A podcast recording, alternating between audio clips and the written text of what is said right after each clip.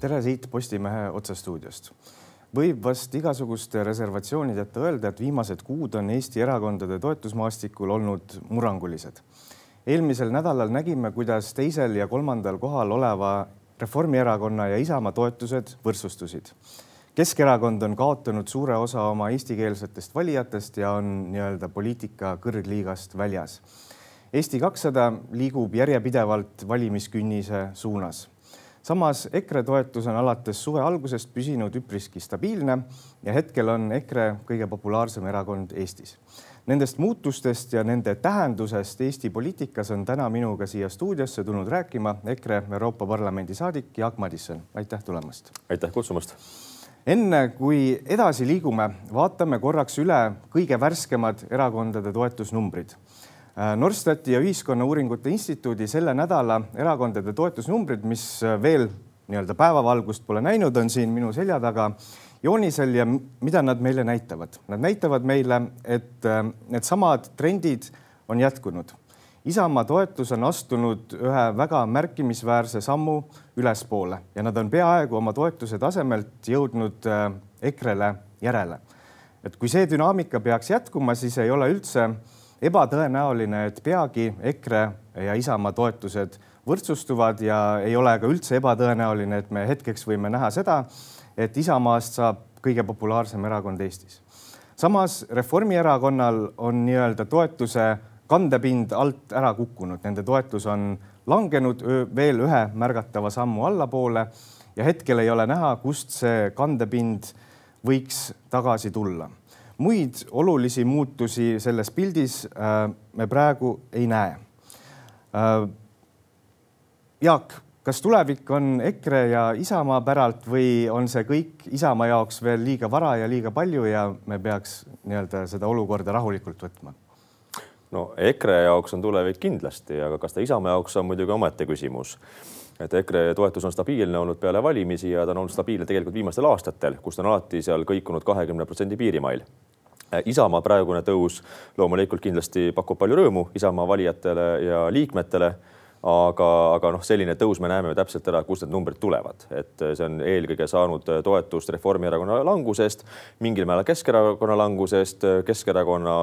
juba pikaaegselt kogenud poliithunnid on üle hüpanud Isamaasse, nüüd ka mõned sotsid on üle hüpanud Isamaasse. et see protsent on loomulikult tulnud nende valijate arvelt, kes on pettunud siis oma vanades erakondades Äh, seega toetus kindlasti pakub neile rõõmu, aga noh, kurb on see, et järgmiste Riigikogu valimisteni on kolm ja pool aastat aega ja selle aja jooksul jõuab väga palju juhtuda. Äh, seega, kas ta pikaajaliselt jääb püsima, on kaheldav. kui ta jääb püsima, siis noh, kes oleks selle vastu, kui meil oleks EKRE Isamaa äh, valitsus kolme poole aasta pärast? jah, kindlasti on väga suur väljakutse Isamaal nüüd ees kõiki neid valijaid hoida. aga ennem kui me sellest nagu hetkepildist veel edasi räägime, vaatame korra tagasi veel minevikku, et mis siis ikkagi juhtus kevadistel valimistel, et mul on selline tunne, et, et, et väga paljud valijad on nagu väga pettunud, et noh, loomulikult Eesti kahesaja valijad on pettunud, sest see erakond, mis nad said pärast valimisi, ei olnud see erakond, kelle poolt nad hääletasid. Reformierakonna valijad on pettunud, sest nad said aru, et erakonna sõnad ja teod ei lähe omavahel kokku Keskerakonna valijad mingis mõttes on pettunud, sest halb tulemus valimistel viis lõpuks selleni, et erakonna juht vahetus, mis ei meeldinud paljudele erakonna senistele toetajatele. ja mingis mõttes ka EKRE valijad kindlasti on pettunud, sest paljud inimesed, kes nendel valimistel võib-olla oleksid tahtnud EKRE poolt hääletada, ei teinud seda, kuna õhus rippus kogu see Venemaa teema, millel sisuliselt ei olnud mitte mingit alust et, et kuidas me jõudsime sellisesse olukorda, et äh, meil olid valimised ja valimistulemused ja nüüd nii hiljuti, nii lühikese aja pärast, pärast valimisi on, on see poliitiline reaalsus nii teistmoodi, mis läks valesti? no loomulikult Reformierakonna valijatele tuleb öelda, et äh, said, mida nad väärivad, et olla üllatunud sellest, et Reformierakond on valetanud, on alati valetanud. Ja nii nagu Kaja Kallas ka lapse suuna tunnistas ju alles paar kuud tagasi Äh, ETV otsestuudios, et aga muidu poleks ju hääli saanud, kui poleks rääkinud ilusat valet sellest, et kõik läheb paremaks, elu läheb ilusamaks, Eesti saab kaitstumaks ja tegelikult hoopis äh, nad teadsid kogu aeg, et tulemas on automaksud, samasooliste abielud, äh, muud maksutõusud, millest varem mitte keegi mitte midagi ei rääkinud.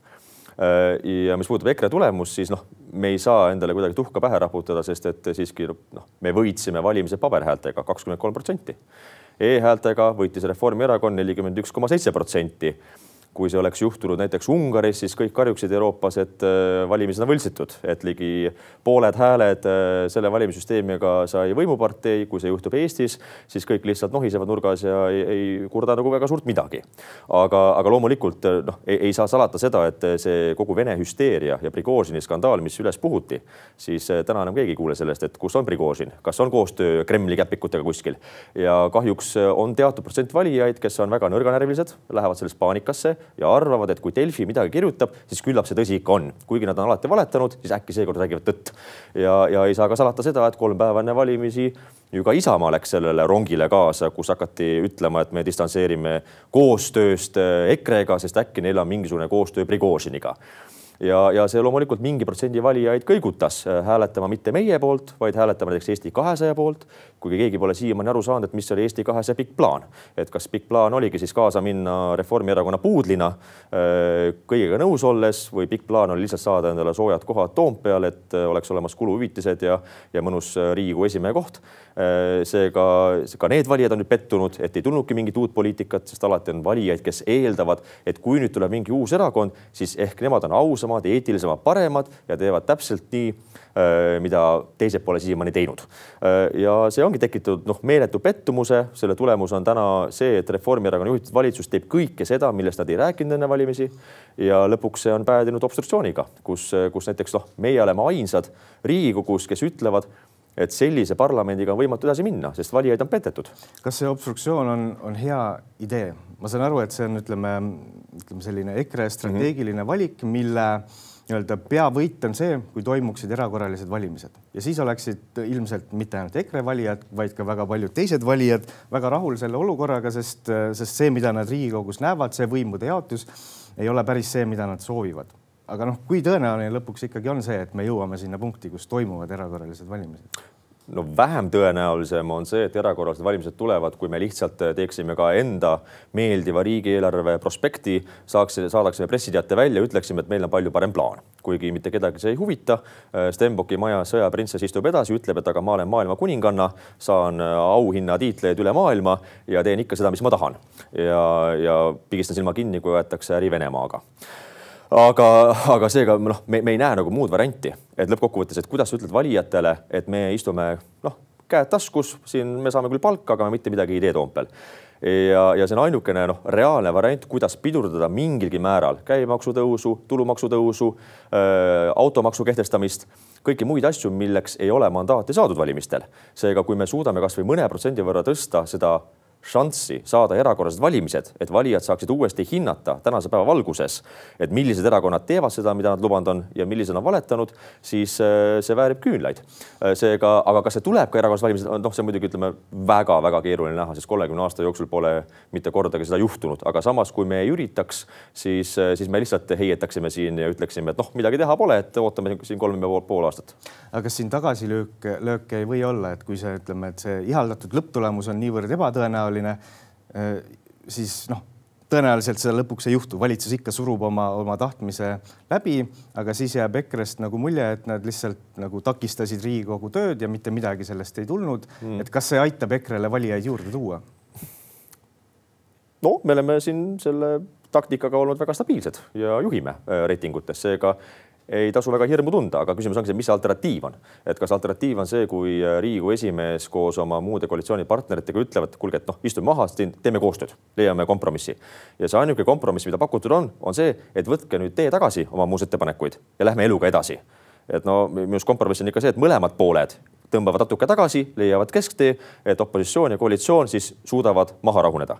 hetkel me ei ole näinud mitte ühtegi sammu koalitsiooni poolt, et mis on see nende kompromissi samm selleks, et taastada siis äh, Riigikogu normaalne töökorraldus, vaid nemad ütlevad, tõmmake teie tagasi ja kui te tagasi ei tõmba, siis me paneme usaldushääletusele, rullime ikkagi mõnusalt üle ja teeme, mis tahame. ja, ja noh, sellise, sellise koalitsiooniga on võimatu järelikult koostööd teha, sest et kui nemad kompromissi leida absoluutselt ei soovi. Äh, ja meie ainuke noh, ütleme, olgem ausad, ega ainukene šanss on siiski see, kui Reformierakond läheb uuesti täisrulliga usaldushääletusega läbi suruma riigieelarvet, mis ei ole põhiseaduspärane, kui jäetakse arvestamata kõik muudatusettepanekud, jäetakse läbi hääletamata need. Ja kui siis Kaja Kallas läheb Kadrioru lossi, ütleb härra Karisele, et ole hea, anna nüüd allkiri sellele riigieelarvele, kus on nelisada miljonit eurot tühja auku, keegi ei tea, kuidas täidetakse seda me siin surusime läbi usaldushääletusega riigieelarve, äh, sest et muidu me ei leia kompromissi Riigikogus, siis see on põhiseadusvastane ja loomulikult sellisel hetkel on koht presidendile öelda, et ma ei ole nõus allkirjastama sellist riigieelarvet, kus koalitsioon põhimõtteliselt rakendab vägistamistaktikat ja hirmutamist, et kui te nüüd nii ei tee, siis me tuleme usaldushääletusega ja teeme ikka nii, nagu me tahame, kuigi meil selleks mandaati ei ole. seega, seega ma arvan, et noh, meie taktika on kõige tõenäolisem viis jõuda lähemale erakorraliste valimisteni, kui on taktika täna Isamaal ja Keskerakonnal. ja selle taktika kõrvalmõju on võib-olla ka see, et see sunnib valitsust tegema valikuid, mis on nagu väga ebapopulaarsed äh, oma poliitikate läbisurumisel, aga tuleme korraks EKRE äh, toetuse juurde tagasi, et me oleme siin viimastel kuudel näinud väga suurt sellist nagu toetajate ümberliikumist, et mm -hmm. Isamaa on, on tõmmanud enda selja taha noh, praktiliselt kõikide erakondade ridadest uusi toetajaid, aga noh, ennekõike ütleme Reformierakonna ja, ja, ja ka Eesti kahesaja selja tagant. EKRE on jäänud sellest liikumisest kõrvale, et EKRE toetus, nagu sa ütlesid, on, on olnud äärmiselt stabiilne. mingis mõttes selle taseme, kus ta praegu on, saavutas ta juba kahe tuhande kahekümne esimese aasta sügisel, kus Reformierakond või mil Reformierakond oli, oli ka madalseisus ja, ja, ja EKRE toetus kasvas ja EKRE oli toonagi äh, kõige populaarsem erakond Eestis et mulle jääb kuskilt mulje, et, äh, et EKRE on väga lähedal oma toetuse laele. Et kuidas peaks nüüd EKRE seda lage nihutama kõrgemale, et oma positsiooni parandada ja kui palju see sõltub üldse teist ja kui palju see sõltub nagu süsteemist ja teistest erakondadest? kui mäletan õigesti, siis äh, umbes paar kuud enne Venemaa agressiooni Ukraina vastu oli meie tipphetk oli kuskil kakskümmend seitse protsenti, käis korra ära. ja kui Reformierakond vahepeal ka langes kolmandaks seal üheksateistkümne protsendi peale. seega me võime nagu eeldada, et see tippresultaat, mis võiks tulla, on kakskümmend seitse protsenti ja loomulikult see siis noh, tulebki ju kas pettunud valijate arvelt äh,, endiste Reformierakonna valijate arvelt, kes pole väga rahul sellega, et äh, majandust tapetakse maksutõusudega äh, või tuleb see Keskerakonna eestlastest valijate arvelt, kes äh, tunneb, et regionaalpoliitika eest ei seisa Keskerakond, vaid seisame meie näiteks või olemasolevad näiteks Isamaa valijad, äh, kes on kasvanud korra korralikult pärmi peal kes arvavad, et noh, meie teeme seda, mis me päriselt lubame, samas Isamaa ajalugu on tõestanud siiski seda, et tihti minnakse valitsusse selleks, et lihtsalt olla valitsuses äh, positsioonil, et, et noh, me võiksime eeldada, et kakskümmend seitse, kakskümmend kaheksa protsenti võiks see lagi justkui olla. aga see kõik on selline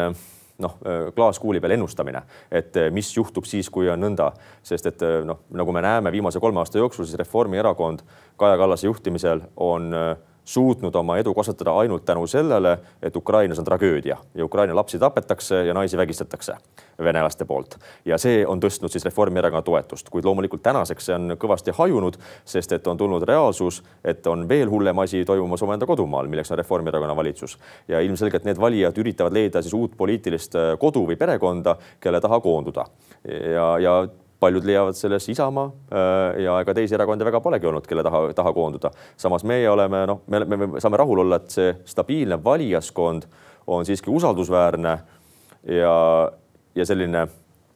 kokkuhoidev, et nad ei ole noh,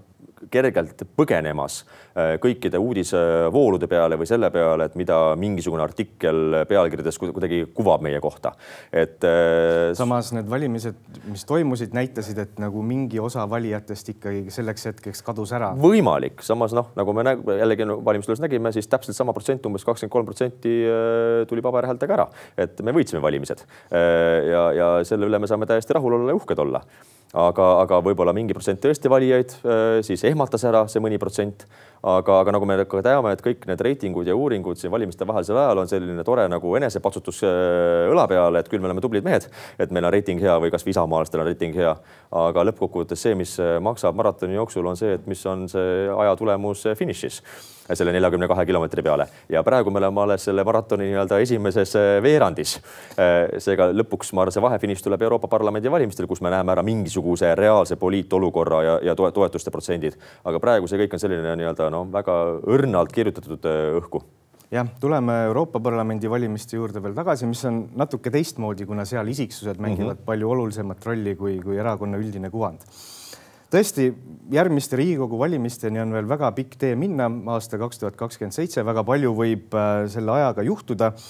selleks ajaks ei ole EKRE enam kaugeltki uus erakond, ta on juba päris vana erakond koos kõige sellega kaasnevate hädadega ähm, juba nendel valimistel, mis olid või nende ümber jäi kuidagi nagu mulje, et näiteks äh, noorematel ambitsioonikamatel liikmetel on raske kuidagi erakonna sees liikuda, sest ees on vanad inimesed, kes nii-öelda tee Kelle, ära kellel? blokeerivad. Äh, mida EKRE peaks tegema selleks, et nagu tagada dünaamilisus järgmisteks valimisteks? ma ütleks, meie erakond on väga dünaamiline, sest et äh, kui ma olen võrrelnud teiste erakondade programme ja ka neid põhikirju, et kuidas käib sees näiteks erakonna juhtkonna valimine või võimalus kandideerida mingitele valitavatele ametikohtadele, siis meil on see olnud kõige läbipaistvam ja demokraatlikum. et põhimõtteliselt äh, me ootame avasüli alati noori hakkajaid inimesi, kes tõesti soovivad teostada ennast kuidagi poliitilisel äh, mänguväljal või sellel sõjamaastikul on muidugi vähe inimesi, kes seal hakkama saavad ja lõpuks ellu jäävad, aga need, kes soovivad seal kätt proovida ja tõesti nii-öelda siis nagu lahingusse asuda, siis neil on alati võimalus olnud, aga see eeldab loomulikult seda, et sul endal on väga kõva pingetalevus, külmad närvid ja, ja selline käsi ei värise nagu, kui on ikka vaja, kui on vaja kabuuri järele haarata. aga, aga neid noori eh, on meil olemas erakonnas, meil on eh, väga asjalikke inimesi ja samas, kui me vaatame erakonna liikmeskonda ja kandideerijaid, siis on meil see läbilõige täiesti ühiskonnast olemas, et nagu Rahvaerakond ikka, et meil on nooremaid, vanemaid, keskealisi, meil on olemas maainimesi, linnainimesi, meil on jõukamaid inimesi, samas ka siis äh, äh, vaesemasse klassi kuuluvaid inimesi, kes tõesti muretsevad selle pärast, et Reformierakond tõmbab neile nööri kaela maksudega suurte perede inimesi, kus tuntakse, et Reformierakond ühel päeval annab suurperele raha ja kohe aasta hiljem võtab selle raha ära neilt. seega me oleme läbilõige ühiskonnast, aga samas loomulikult me oleme selline jõulisem erakond ehk et äh, konkreetsem, mis tihti võib-olla inimesi natukene ehmatab ära, et kas ikka nii tasub päris öelda, et on küll õige asi, aga, aga äkki liiga valjusti. ja siis minnakse mõne pehmema erakonna poole hoopis, öeldakse, noh, nad on ka mõistlikud inimesed ju. ja selle pettutakse, et vaadatakse, aga see pehmem erakond ei tee seda, mis ta räägib, vaid hoopis ikkagi noh, valetab suud ja silmad täis ja siis jälle valija saab petta ja siis ütleb, ah, kõik nad on ühesugused, ega siin vahet ei ole, tead, vali ühte ja viska teist, eks ole, et, et äh, seega ma arvan, et meil ei ole mingit probleemi sellega, et, äh, et erakonnas oleks võimalik nii-öelda dünaamiliselt uutel inimestel ennast tõestada, kuid see eeldab loomulikult seda, et jagatakse ka erakonna seisukohti ja väärtusi. et, et me tõesti väga ei hinda või ei salli inimesi, kes tulevad poliitprostituutidena kuskilt mujalt, hüppavad üle sellepärast, et mujal läks karjäär nihu, nihu ja siis äkki saab meie paadis kuidagi paremini edasi purjetada. kuigi tegelikult et kui on konkreetsed küsimused, ma ei tea, migratsiooni kohta, äh, sisserände kohta, äh, ma ei tea, vene keele leviku kohta Tallinnas, äh, on see Euroopa Liidu küsimused, et, et kui nad kõik nagu noh, ei jaga seda seisu, neid seisukohti ja Eesti rahvusriigi huve, siis noh, võib-olla meie erakond pole kõige, kõige õigem erakond, kus tõesti proovida oma siis ambitsioonide elluviimist. puudutame korra Euroopa Parlamendi valimisi ka. Jaak, sinu koht nendel valimistel ilmselt on kindel. miski pole kindel kunagi ilmselt on see koht kindel ka Kaja Kallasel ja Marina Kaljurannal, kui nad peaksid seda kohta tahtma ja kui nad peaksid kandideerima. Äh, kõik muu on võrdlemisi lahtine, et äh, mis on sinu valik, kas sa jätkad Euroopa Parlamendis äh, või on võimalik sind ka mingil hetkel mingil tingimustel näha Eesti sisepoliitikas ja millal see oleks? ma oleks hea meelega kevadel tulnud, ma ütlesin ka avalikult ju valijatele välja, ma kandideerisin Järva-Viljandimaal kolmandat korda selle aasta märtsis ja ma ütlesin ka valijatele ausalt ära, et, et kui tõesti erakond, äh, me teeme hea tulemuse niiviisi, et me suudame panna valitsuse kokku või osaleda valitsuse kokkupanemisel, siis sellisel juhul, kui me oleme valitsusse minemas, ma tulen parima hea meelega äh, tagasi. kuid kuna valimiste päeva õhtuks oli selge, et, et valitsuse moodustavad noh, selgelt vasakäärmuslikud erakonnad ja meil sinna mängu asja ei ole ja terendab ees neli aastat opositsiooni, kui just ei tule erakorralised siis sellisel juhul tõesti ma eelistasin jääda Euroopa Parlamenti, mis omakorda tingis selle, et nüüd tuleb minna uuele ringile küsimaks valijatelt mandaati Euroopa Parlamendi valimistel, kus valijad ilmselgelt hakkavad näitama ka oma meelsust Reformierakonna suhtes, selle valitsuse suhtes. et öelda selgelt, et me pole nende erakondadega nõus ja me eelistame parem ka eurovalimistel siis Keskerakonna kandidaat Keskerakonna kandidaate, näiteks Jüri Ratas, mitte Yana Toomi, eestlast, mitte venelast. Äh, samuti EKRE kandidaate, võib-olla Isamaa kandidaate ja muidugi me loodame selle peale, et seitsmest saadikukohast vähemalt kaks tuleb meile, kui mitte kolm, sest kahekümne kolme, nelja protsendiga on võimalik juba mängida kolme saadiku koha peale, eeldusel, et näiteks Eesti kakssada ei saa ühtegi kohta, need hääled lähevad ümberjagamisele. Keskerakond seal vaevleb ühe koha kättesaamise nimel. aga. kas Ratas või Toom, kumb on tõenäolisem? ütleme nii, et tõenäoliselt Ratas, nii palju kui ma tean, on esinumber, sest Ratas on seda küsinud, ta on ekspeaminister, endine erakonna esimees. samast esinumber loomulikult saab tõenäoliselt kogu selle tähelepanu meedia poolt, põhidebatid, ta saab erakonna võib-olla üldkampaania rahastuse enda selja taha. aga samal ajal Ratase suurim miinus on see, et nende toetajaskond eestlaste seas on neli protsenti. ja mis on see Ratase jällegi see põhisõnum Euroopa Parlamendi valimistel, et mille eest ta läheb seisma Euroopa Parlamenti. kas ta on migratsioonipakti vastu, selle vastu, et jagatakse näiteks, ma ei tea, illegaale ümber liikmesriikidele ilma meie nõusolekut küsimata kas ta on vastu aluslepingute avamisele, kas ta on vastu näiteks ühehäälsuse nõude kaotamisele, millega Eesti kaotaks äh, oma positsiooni Euroopa Liidus. et, et nendest küsimustest, noh, ma ei tea siiamaani, mis tema seisukoht on, et see võib olla väga selline ja kuidagi ujuv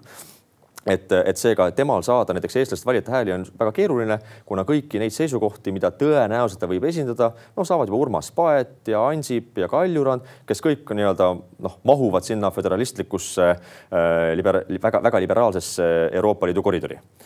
samal ajal Yana Toom, kes võib-olla ei ole esinumber, aga samas võib-olla suudab koondada just nimelt rahvuspõhiliselt äh, venekeelset hääli, kes valivad ikkagi noh, naša, naša Yana, äh, kes läheb äh, Brüsselisse sõdima siin venekeelsete õiguste eest.